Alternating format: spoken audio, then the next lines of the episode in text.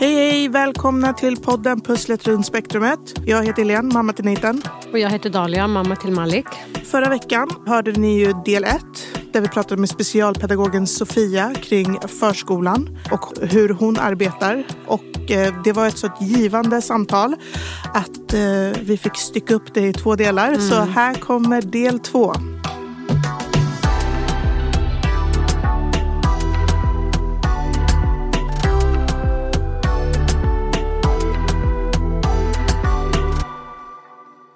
Jag tänkte ju på det här med när du pratar att man ska anpassa miljön. Eh, mm. Eh, hur ska man underlätta det för det här barnet? Något som man gjorde under tiden man kartlägger mm. barnet.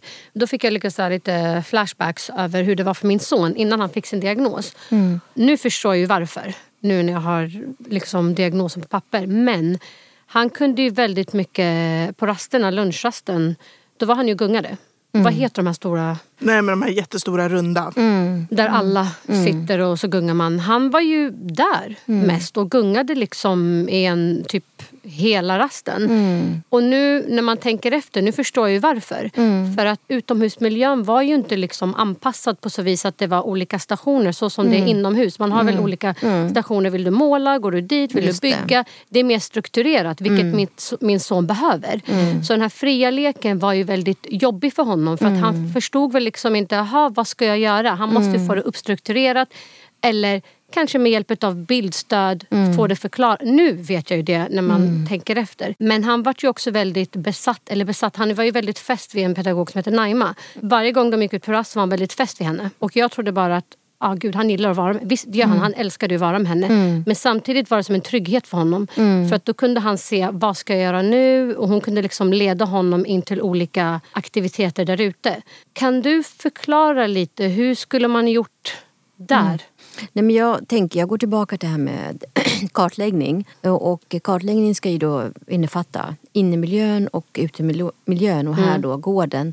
Eh, så det vi tittar på här det är ju det här, okej, okay, de kommer säkert säga så här, men och när, vi, när vi är på gården mm. så ser vi att han sitter bara på gungan och mm, mm. kompisarna blir frustrerade och vad ska vi göra? Mm. Då går man ju tillbaka till kartläggningen och säger okej okay, det här är en situation som är svår för mm. barnet eller som kan behövas lite mer stötning och då kommer man med förslag. Då behöver vi kanske vara mer tydliga innan, innan vi går ut. Säga nu ska vi gå ut Precis. och då finns det det här att göra och det här att göra och det här att göra. Och då är det i form av bildstöd? Bildstöd ja. är jättebra. Bild är, alltså det är ju suveränt i det för det är tydligt. Barn med autism behöver se, se det liksom så i bild och man behöver inte man ska inte heller ha så jättemycket val. Nej. Man ska kunna liksom säga, då kan du gunga eller så kan det vara vid rutschkanan mm. eller så kan det vara i sandlådan. Mm. Vad väljer du? Mm. Och då börjar kanske barnet peka på den tycker om. Mm. Kanske det är då gungan. Mm. Okej, okay, men då, då, då går vi dit. Så kanske det är en pedagog som följer med honom dit. Och sen kanske man börjar då introducera att nu kommer en kompis Precis. som ska sitta med dig och nu kommer en till kompis som och vet ska du, sitta förlåt, med dig. Men ja. det gjorde de på slutet ja. Eh, med hjälp av specialpedagogen. Ja. När han fick sin diagnos då underlättade liksom allt för dem. Och då, gjorde, då körde mm. de något som heter lekträna. Och då var det pedagogen, min son och ett annat barn. Mm. Och då gjorde man precis som du sa. Mm. Man tog fram bildstöd och så fick han lekträna mm. och vara just med det här barnet och mm. försöka utveckla den här sociala kompetensen. Mm. Och det kom till på slutet mm. med hjälp av specialpedagogen. Precis, att det är ju det här som återigen går tillbaka till att vad ser vi i miljön, vad behöver mm. vi ändra i miljön, vad ska mm. vi göra? Precis. För det handlar ju om oss, är ju vi vuxna som ska liksom... Ja men precis. Eh, det är ju det är så, vi, det är vi som ska göra jobbet och vi ska ja. inte förvänta oss att eh, barnet ska hitta till det här, Nej. ska komma till oss och säga jag mår bra av det, jag gör det här åt mig. Men som sagt, kartläggning är jätteviktigt. Mm. Diskussion, samtal i arbetslaget är otroligt ja. viktigt och reflektera och gärna då liksom om det nu finns en specialpedagog mm. att få handledning av en mm. specialpedagog i det här. Mm. Vilket jag tror de flesta kommuner har idag. Vi mm. jobbar lite olika. Vi jobbar övergripande. Det kan vara så att vi mm. sitter eh, uppe liksom i kommunen i ett stödteam och så mm. går vi ut till förskolor mm. på uppdrag. Eller att vi kopplar det till en förskoleenhet som jag gör idag. Och då får jag liksom de här mm. frågorna. Men jag har ju också lättare. Jag går ju in i, eh, i barngruppen på ett annat sätt. Mm. Jag är liksom en naturlig del mm. av eh, undervisning eller mm. förskolan. Så att jag finns ju till hands eh, mer tillgänglig jag mm. idag. Men jag tänker på hur fortsätter man utbilda mm. personalen både kring NPF men i vårt fall autism. Mm. För jag tänker att när man tänker tillbaka på introkursen, mm. det hade väldigt stort avtryck på mig och på mm. Dahlia. Båda vi skickade pedagoger och barnskötare mm. i mitt mm. fall mm. som, gick på intro, ja. som gick introutbildningen. Och för dem så var det också ett ljus tändes, så kan man säga. De, de förstod på ett annat sätt. För det beskriver ju själva diagnosen och eh, hur ett barn reagerar. Vilket var väldigt nyttigt att få ta del av. Så jag tänker som, som förskola, är man då intresserad av att fortsätta gå på de här utbildningarna som finns till hands? Vilka resurser har ni ja. för att utbilda varandra internt? Mm, mm. Och så vidare. Liksom hur, mm. hur ser det ut? Ja, så mm. här är det. Det ser lite olika ut såklart över hela landet och mm. mellan kommunerna. I den kommunen jag jobbar idag så, har vi, så håller vi specialpedagoger i uh, kurser, mm. utbildningar kring liksom NPF och sen då kanske man specifikt pratar autism. Och då kanske man har valt då de avdelningar, de pedagoger som har barn med autism, de har man kanske valt att, att samla till en kväll där man har liksom då just eh, utbildning kring autism. Mm. I min kommun har vi också en psykolog som jobbar övergripande och psykologen är ju då också till för att handleda mm. och eh, här också då mm, sprida kunskap mm. kring NPF eh, och specifikt autism som ni pratar om idag. Så att i den kommunen jag jobbar i, som är väldigt stor, så där, där erbjuds det kurser, fortbildningar för, för pedagoger. Plus att eh, många av de rektorer eh, som eller alla rektorer, de är ju också öppna för att pedagoger ska komma till autismcenter mm. på sån här heldagsutbildning. Och att man kanske följer med föräldern när föräldrarna vill. Eller, eller när vi också har möjlighet, för förskolevärlden, det är ju så att vi ansvarar, alltså, det är ju 19-20 barn som ja, man har. Och, eh, och då kan det inte vara bara att en går. Det är klart det handlar om planering, framförhållning. Mm. Men att vi också då är med på mm, kurser, de här riktade insatser som man har mm. på habiliteringen.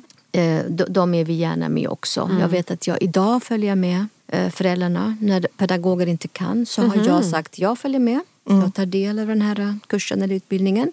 Så jobbar vi i alla fall i den förskoleenheten mm. som jag tillhör. Jag tror att mina kollegor, de andra också, gör så.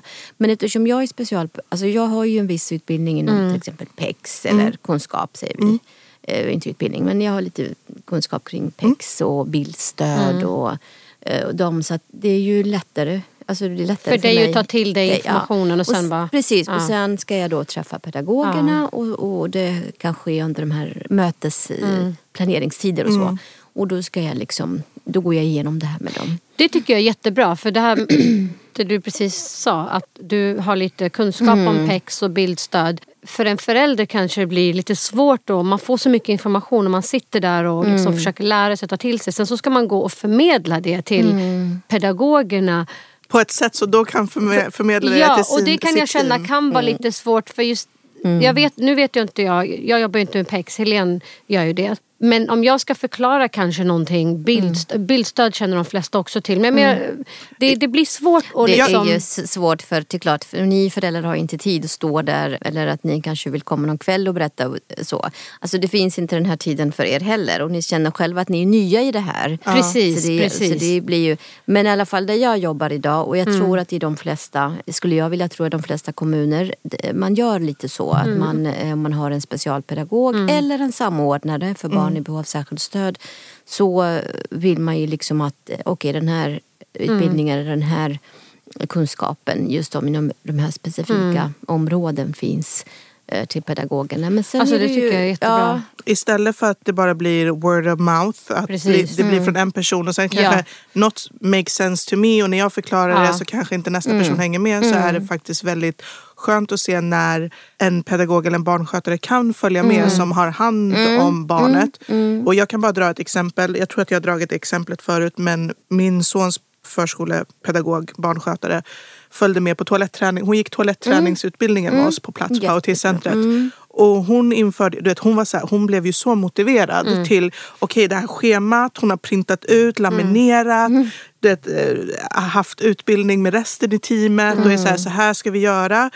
Liksom, det är på tid. Mm. Han ska signalera, vi ska få honom att uppmana mm. och verbalt säga kissa. Mm. Mm. Och liksom, att han vill gå och kissa, han tar ju handen. Mm. Schemat följs. Liksom, och nu, nu är han inne i en fas där han inte vill. Men liksom, vi har ju sett att varje dag jobbar de på samma sätt. Mm. Men förstår du hur lätt, alltså, kom, när Nathan slutar, ja. det kommer komma ett annat barn. Ja. Då kanske inte hon behöver gå på den där kursen. Och det här kan, och det här mm. kan ju också appliceras bara till andra barn som ska toaletttränas. Ja. Mm. Men det som var så kul att se var att hon var där på plats. Mm. Och vi, ställde, vi hade inte samma frågor när man var där. Mm. Och ställde frågor. Jag ställde ju från mammas point of view. Precis, hon ja. var mer typ så här, vad kommer fungera i verksamheten? Mm. Och det var väldigt nyttigt att se att vi sitter på samma kurs men vi ser mm, två mm, aspekter mm, av det. Mm. Och sen tillsammans med det samarbetet mm. så når vi the end goal. Liksom.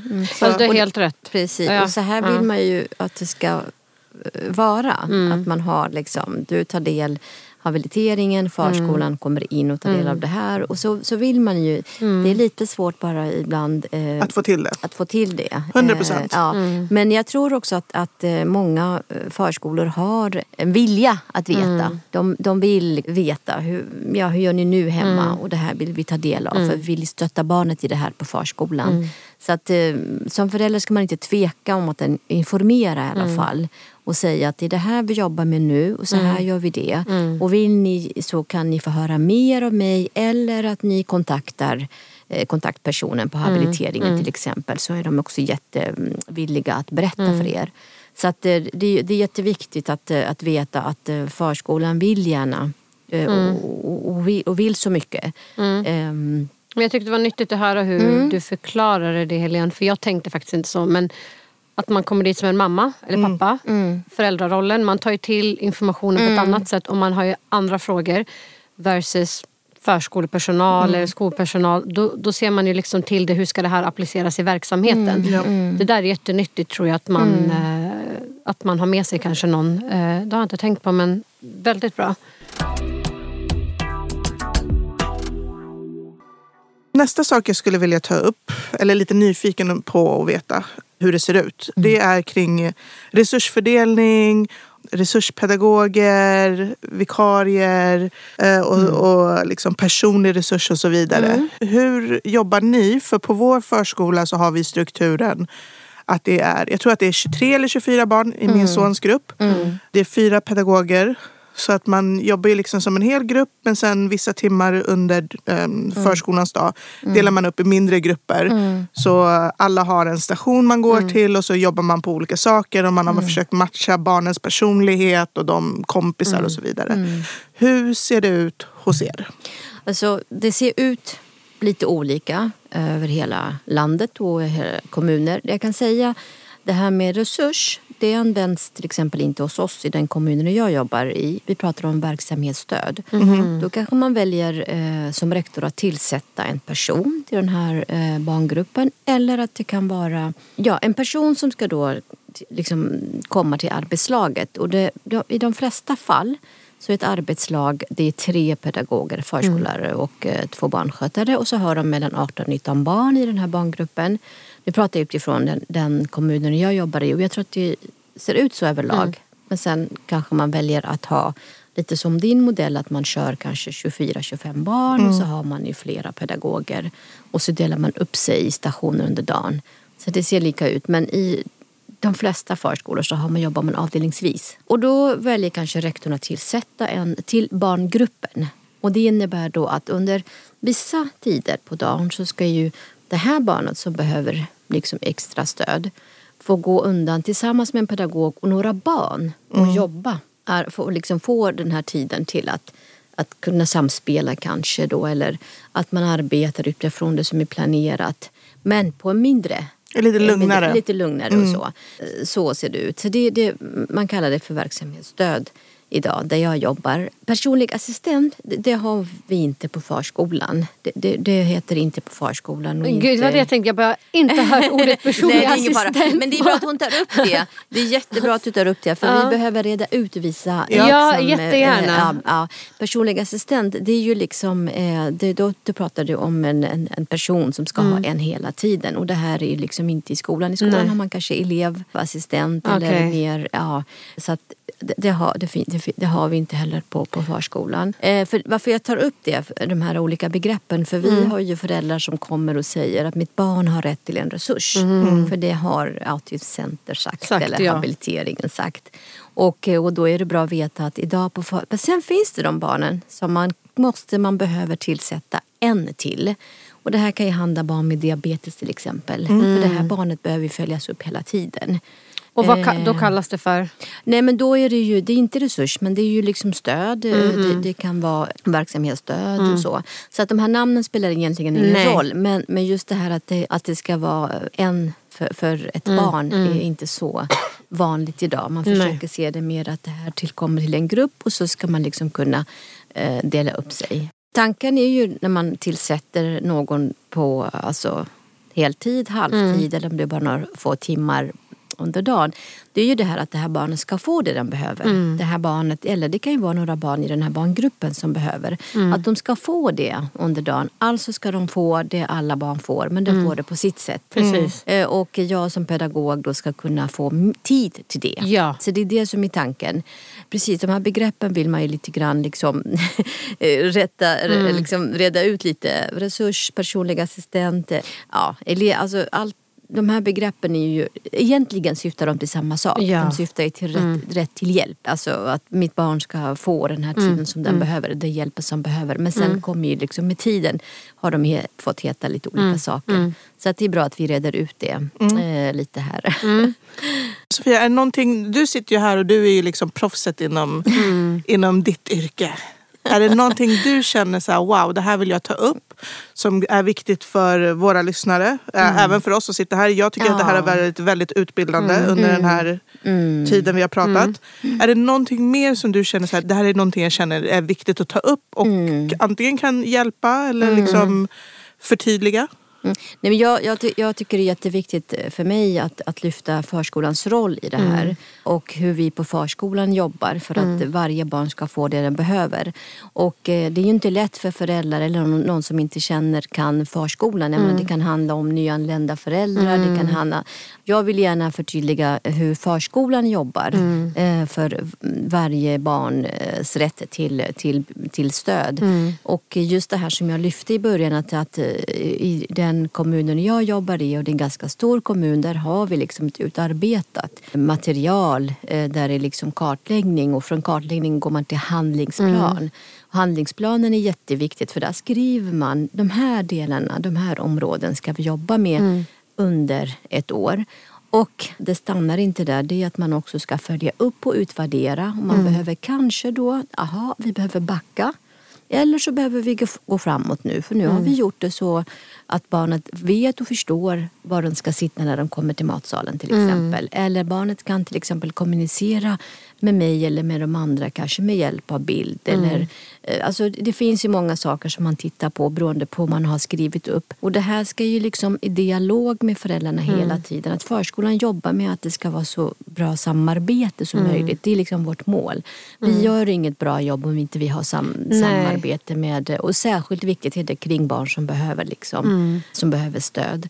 Så det är jätteviktigt för mig att, att eh, sprida kunskapen om hur, liksom, eh, hur det, det jobbas kring barn med eh, behov av särskilt stöd. Och jag tror att de flesta kommuner över hela landet har också ett, en tanke eller ett mm. Arbetssätt kring barn i behov av särskilt stöd.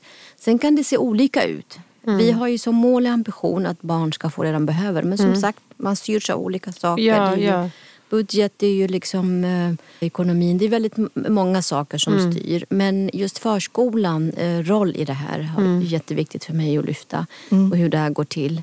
Eh, mm. Jag hoppas att jag har kunnat göra det idag. Jo, ja. Eh, men vet du vad jag tyckte var bra när du sa? Alltså, mm. vi, vi tänker ju inte på det jag och Helene. Mm. När du sa föräldrar till nyanlända. Mina föräldrar har varit nyanlända. För oss kommer det här naturligt. Alltså mm. hur enkelt allt är. Men mm. tänk dig då om det hade varit att vi var nyanlända. Fattar ja. du hur mycket? Då är förskolans roll superviktig. Ja, ja, hur, mm. alltså hur man lyfter upp det här mm. och att man har rätt sorts dialog, mm. att man använder rätt termer, mm. bemötande. Ja. Det är ännu viktigare än vad det hade varit om man tog upp det med kanske mig och Helene nu. Hur man ska navigera sig igenom mm. det här och då är förskolan Alltså er roll är så viktig. Mm, och så, precis, och eh, där jag jobbar idag så träffar vi också många föräldrar som är nya här mm. eller som inte har så mycket kunskap om förskolan. Och som du sa, då är vi viktiga också mm. för att kunna lotsa dem. Precis. Ja. Och säga, vet du det är BVC, mm. vi vill gärna att du går till BVC. Sen kommer BVC också mm. då skicka dig till liksom, mm ja, det blir barnläkare, mm. det blir utredning. Mm. Och sen kommer ju ni, för det, som, det kan ju vara ett glapp. Föräldrarna stannar för de, mm. de vet inte det här till exempel. Ja, men det är autismcenter då som mm. ansvarar för ditt barn sen mm. i det här. När det har blivit en diagnos. Mm. Eller att det är habiliteringen, att du ska själv söka till habiliteringen. Ja, precis, så ja. att all sån här information är jätteviktigt. Och det är ju det är inte heller så självklart för, pedagoger, för alla pedagoger på golvet. Så att jag som specialpedagog ska ju förhoppningsvis kunna hjälpa till mm. där och säga okej, okay, det här är en familj som behöver faktiskt eh, stöttning i att mm. eh, hur, hur gör man, hur ser samhället ut mm. här, hur mm. är det upplagt? Och att det finns väldigt mycket hjälp. Precis. Att habiliteringen är viktigt för ditt barn, skriv in dig för det här kommer komma, liksom det här, det har hjälpt upp till 20-21 år ja, tills det här ja. barnet. Och det här är för ditt barns skull. Mm. Precis. Eh, det är för individens skull. Så det, det, är en rad som vi har. Sen finns det andra saker som vi inte har gått in på. Men det finns i det här med språkstörning. Mm. Hur viktigt det är också med logopedkontakt. Mm. Att du går till mm. föräldrarna, ska gå till BVC och få en remiss till det. Ni jobbar så här hemma. Mm. Och vi stöttar gärna er om ni kommer till oss med lite material. Mm. Eller språk ingår i den här ordinarie verksamheten. Så där ska vi inte ens vi behöver inte söka något för det. Nej. Det här ska jobbas med av förskolepedagogerna. Mm. Men du är lyfta den här medvetenhet om att nu har vi ett barn som är lite försenat här mm. med språk så att nu behöver vi jobba på extra mm. liksom, tydligt eller på ett mm. speciellt sätt. Eller tillsätta någon timme mm. där om dagen där vi kanske jobbar med en bok och Alltså läsning, alltså mm. det, det, finns ju saker. Mm. Det kan jag säga, um, innan min son fick diagnosen så, um, min son är icke-verbal. Och innan han fick diagnosen så var det just det vi gjorde med förskolan. Mm. Vi gick ju till en logoped och då var det de här grundpelarna i kommunikation mm. vilket är ögonkontakt och mm. samspelet. Så då var det ju att vi fick material som vi skulle öva hemma. Mm. Fick även en kopia till förskolan så mm. att förskolan kunde mm. jobba på samma sätt. Vilket jag tror är att vi nötte in de här grundpelarna. De två första grundpelarna mm. nötte vi in tillsammans. Mm. För att det är viktigt med det samarbetet. För at the end of the day så är våra barn på förskolan. Ja, många timmar ja. ja men, som vaknar tiden, de är mest där under, under vardagen.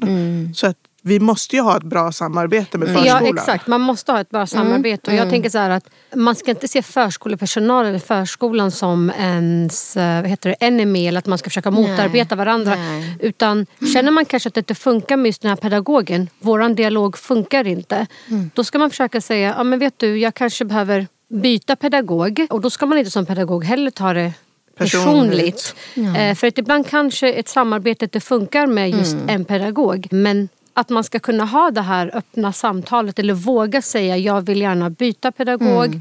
Men hur viktigt är det här med samarbetet. Vi, För jag ja. tänker fortfarande, alltså hade vi varit nyanlända nu, alltså fattar Bara vi tycker det, att det är svårt att navigera sig genom ja, vissa grejer. Jag tänker att det inte bara är nyanlända, det kan vara mm. liksom, så här, språket kan vara en kulturell grej, mm. det kan vara liksom generationen, mm. så här har våra föräldrar lärt upp oss och, och vi följer vi... samma Precis. princip. Ja. Och så ska man helt plötsligt mm. skaka av sig någonting man har liksom blivit mm. uppfostrad med. Precis, och sen är ju det här att man inte vet vad då, vad är autism för ja. något? Även om ja. man är liksom född växt här och så tänker man, åh gud vad är autism för ja. någonting? Vad innebär det?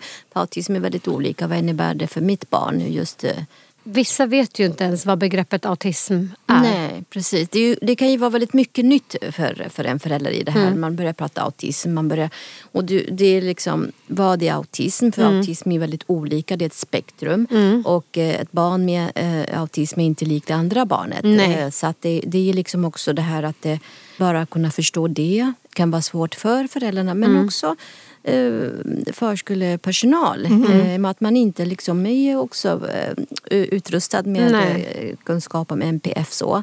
Men det där brukar ju, eh, om man har en specialpedagog eller en bra rektor, det brukar man kunna reda ut ganska mm. snabbt. För mm. vi eh, blir ganska snabbt insläppta i det här att prata med utredningsenheten mm. eller ja, de som gör den här psykologiska utredningen. Så att vi får ju liksom den kunskapen vid det hållet. Så det är viktigt att man också kan skilja på att det här heter autism och det här, det här innebär liksom för ditt barn så. Och vi kan säga till på förskolan, det här barnet har autism men autism är väldigt stort, det är väldigt brett.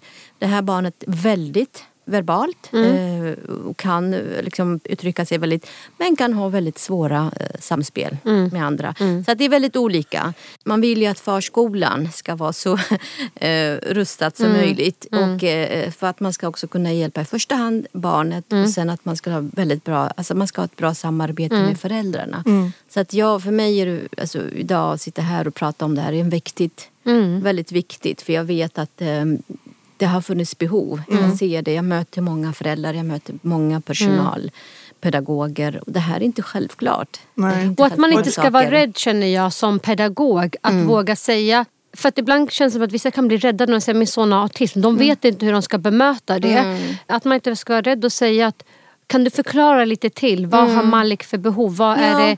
Att man är liksom mm. öppen med att säga att jag kan inte tillräckligt mycket mm. men jag är öppen till att lära mig. Kan mm. du bara förtydliga ja. vad, hur, vad passar bäst för Malik. Vad behöver vi tänka på? Exakt. Vad är Maliks svårigheter när, det kommer till, när du ser autism? Vad innebär det? Vad är, vad Precis. Är liksom, ja. För Malik, vad är vilka svårigheter?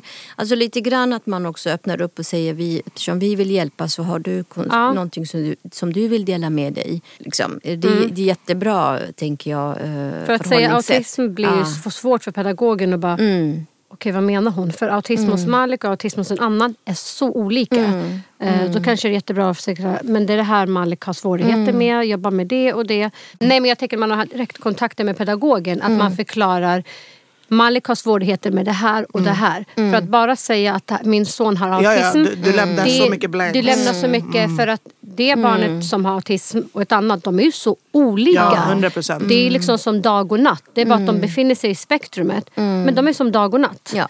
Så, eh, så att jag tror att det där är jätteviktigt som pedagog att man vågar även säga mm. kan du förklara lite, vad menar du?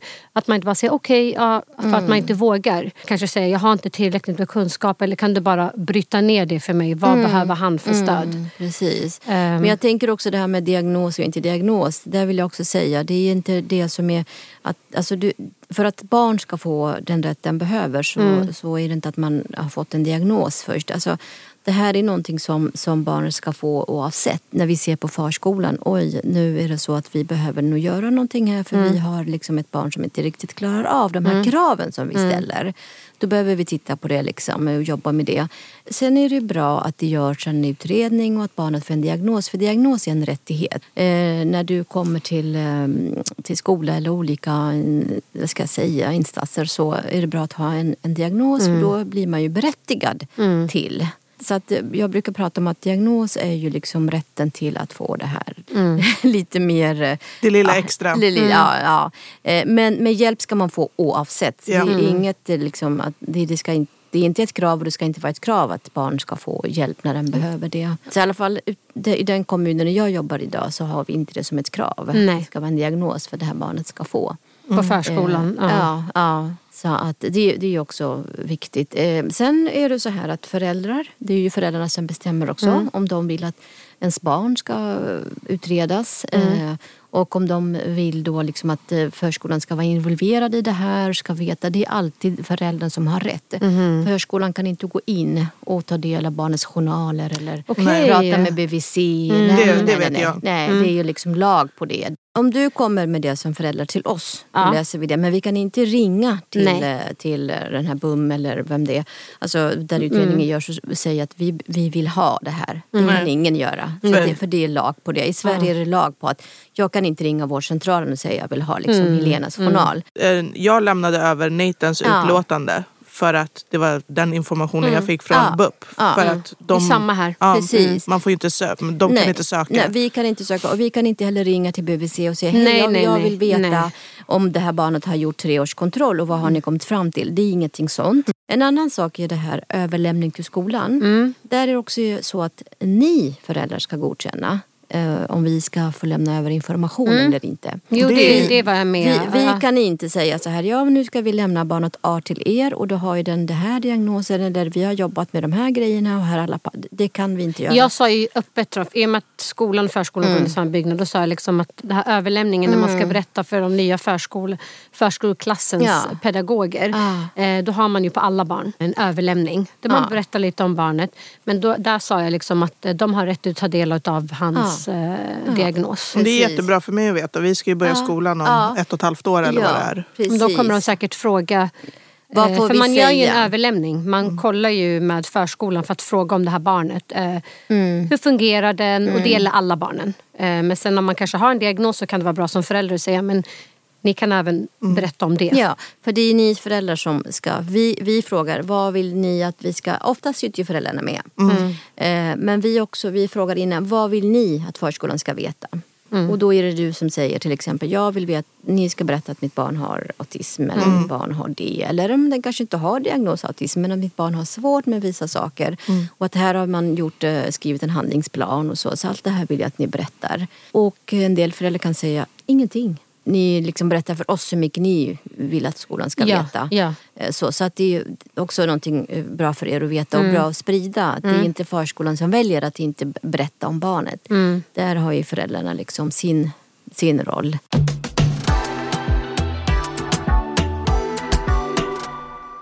Men tack Sofia ja. för att du vill vara tack. med oss. Det här var väldigt lärorikt för både mig och Helene. Jag lärde mig, jag trodde jag visste men jag hade noll koll. Nu går ju nej, inte ut barn kvar i förskolan men alltså. Ni kunde mycket ni också. Ja, nej, inte, nej men det, här, det här var bra. Det är nyttigt. Jag har ett och ett halvt år kvar på förskolan så nu vet jag måndag, ni jävlar ska gå in och kräva saker. Jag. Vet ni, Sofia sa så här, nej men det här var superbra. Tack Sofia. Ja, tack. Och eh, vi kanske kommer ha med dig någon gång längre fram. Det hade varit jättetrevligt. Ja, ja absolut. Det, det, det är bara, absolut. Jag ställer gärna upp. Jättebra. Tack för att jag fick komma idag.